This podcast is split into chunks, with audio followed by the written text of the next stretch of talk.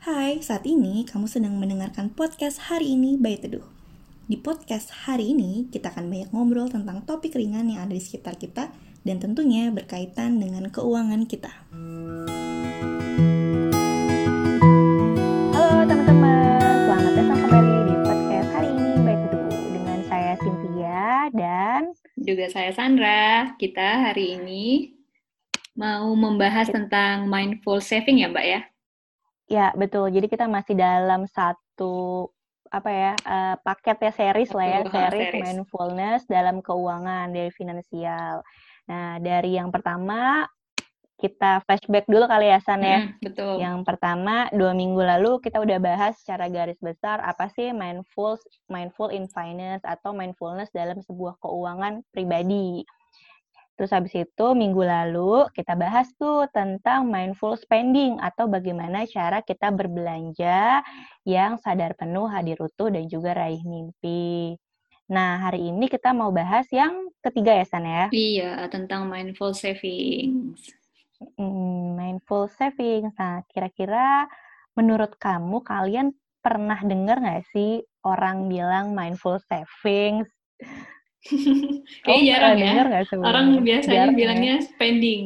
Spending, betul. Nah, ini kok savings gitu. Emang ada hubungannya ya mindfulness sama savings gitu? Kalau menurutku sih ada sih. Maksudnya satu ngomongin spending, satunya lagi ngomongin saving. Karena spending sama saving tuh kayak adik kembar. Eh, adik kakak lah. Iya ya, itu kayak misalnya dua koin ya. Kalau misalnya hmm, satunya saving, berarti sisanya hmm. pasti buat uh, spend eh dari satunya spending sisanya hmm. jadi buat saving gitu masih hmm. ada sisa yang kita gunakan untuk hal yang lain gitu hmm. betul banget jadi memang kalau kita ngomongin tentang savings ya udah pasti berkaitan erat dengan si mindful spending yang udah kita bahas minggu lalu iya. gitu.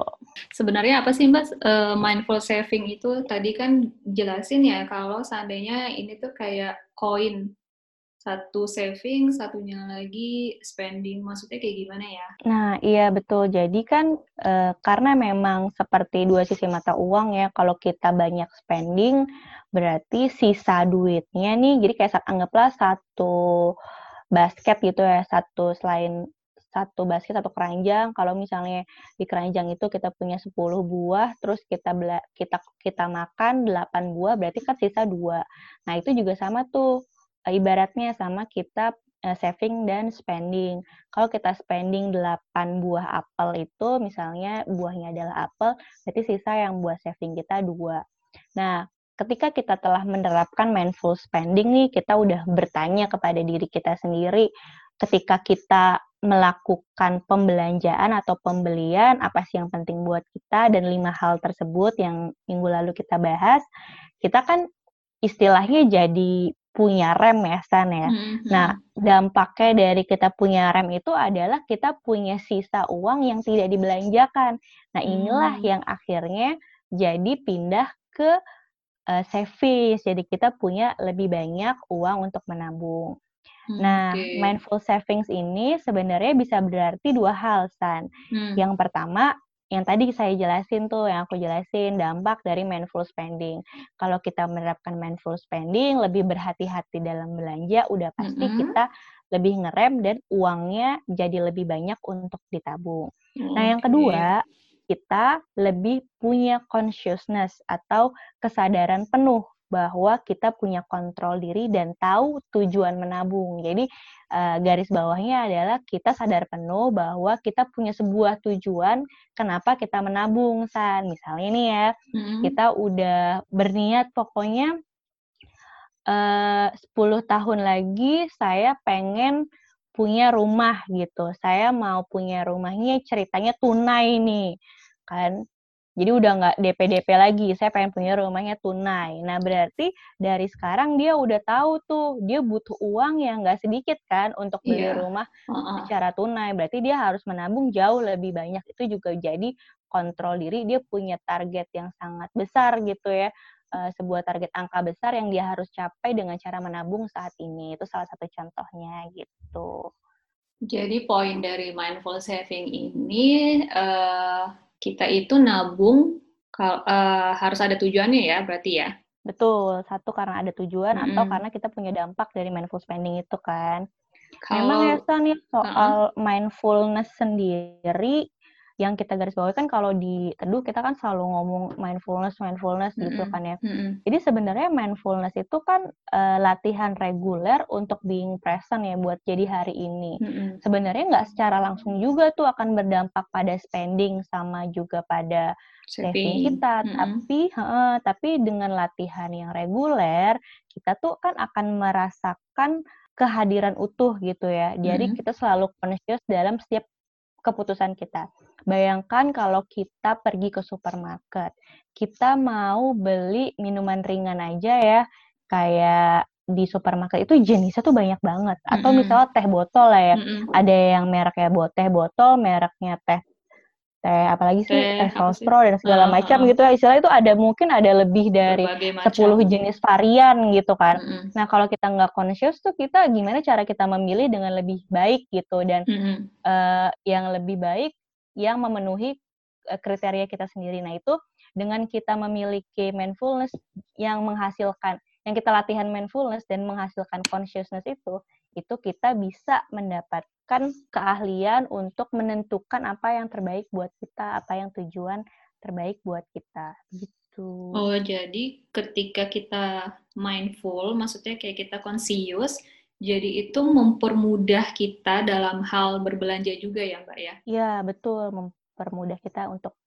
berbelanja ya. Jadi menentukan apa sih yang terbaik buat kita gitu.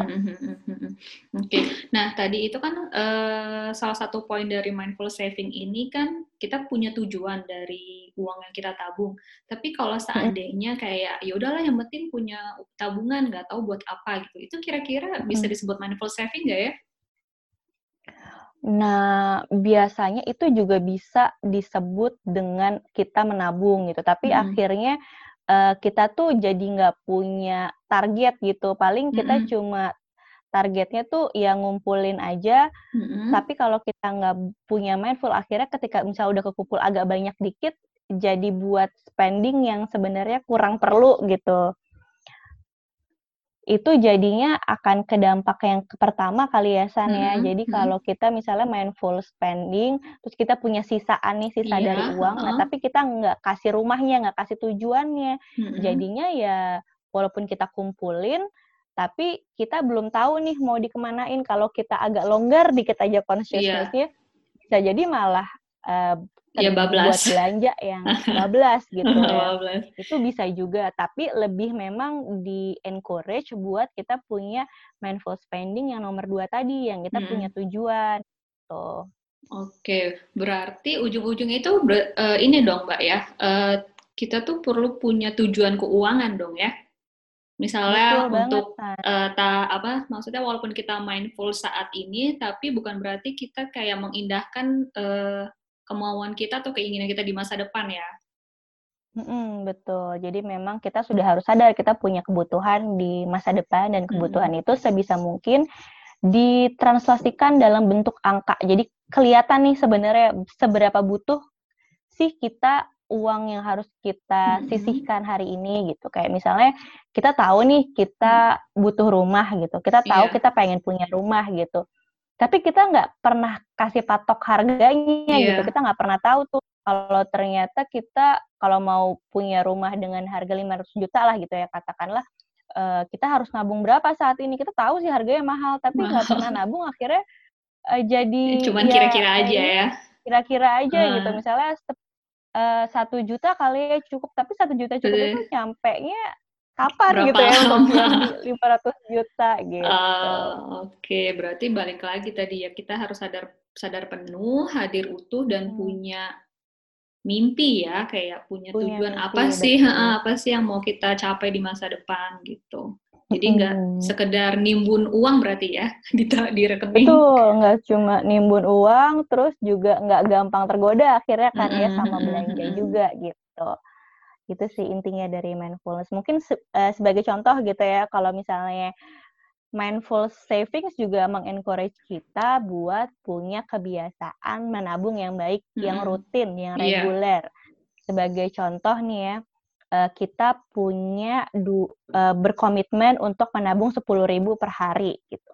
Nah, kamu tahu nggak sih kalau kita nabung 10.000 per hari, kita tuh di akhir tahun bisa dapat sampai 3 jutaan kan, 3 juta Iya, kan. betul. Kalau seandainya tiap 3 juta 600 itu kita masukkan ke deposito aja lah yang mm -hmm. gampang 4%, dalam 10 tahun kita tuh sebenarnya udah mencapai sampai dengan 45 juta loh San. Dalam setahun? Nah, dalam 10 tahun. Oh, dalam 10 tahun. 3 juta, tiga juta enam ratus terus kita masukin ke deposito, hmm. tapi berlanjut terus nih kita iya. uh, dengan jangka waktu yang nabung sepuluh ribu, jadi sepuluh ribu, sepuluh ribu, ribu selama 10 tahun, tahun. itu bisa mencapai dengan 45 juta gitu. Apalagi kalau kita menabungnya dalam jumlah besar gitu. Oh. Dan apalagi kalau kita punya tujuannya, jadi lebih semangat gitu. Kalau yeah, kita punya tujuan kira-kira sepuluh ribu ini kayaknya kurang menantang gitu. Mungkin kita harus lebih lagi gitu. Jadi uh, memang menabung reguler baik, tapi lebih baik lagi kalau kita selain menabung reguler, kita juga punya tujuan dari menabung itu apa. Iya, biar nggak patah semangat di jalan ya. Kalau tiba-tiba ada insiden A, B, C, tetap bersikeras berusaha untuk menabung. Iya. Betul, betul sekali. Karena akan banyak sekali godaan di tengah jalan. Tiba-tiba ada yang lebih penting, terasa lebih penting gitu terasa gitu ya. Lebih penting. Jadi, jadi garis bawahnya adalah terasa. terasa. Jadi bukan penting-penting banget sebenarnya. Hanya gitu. rasa-rasa aja.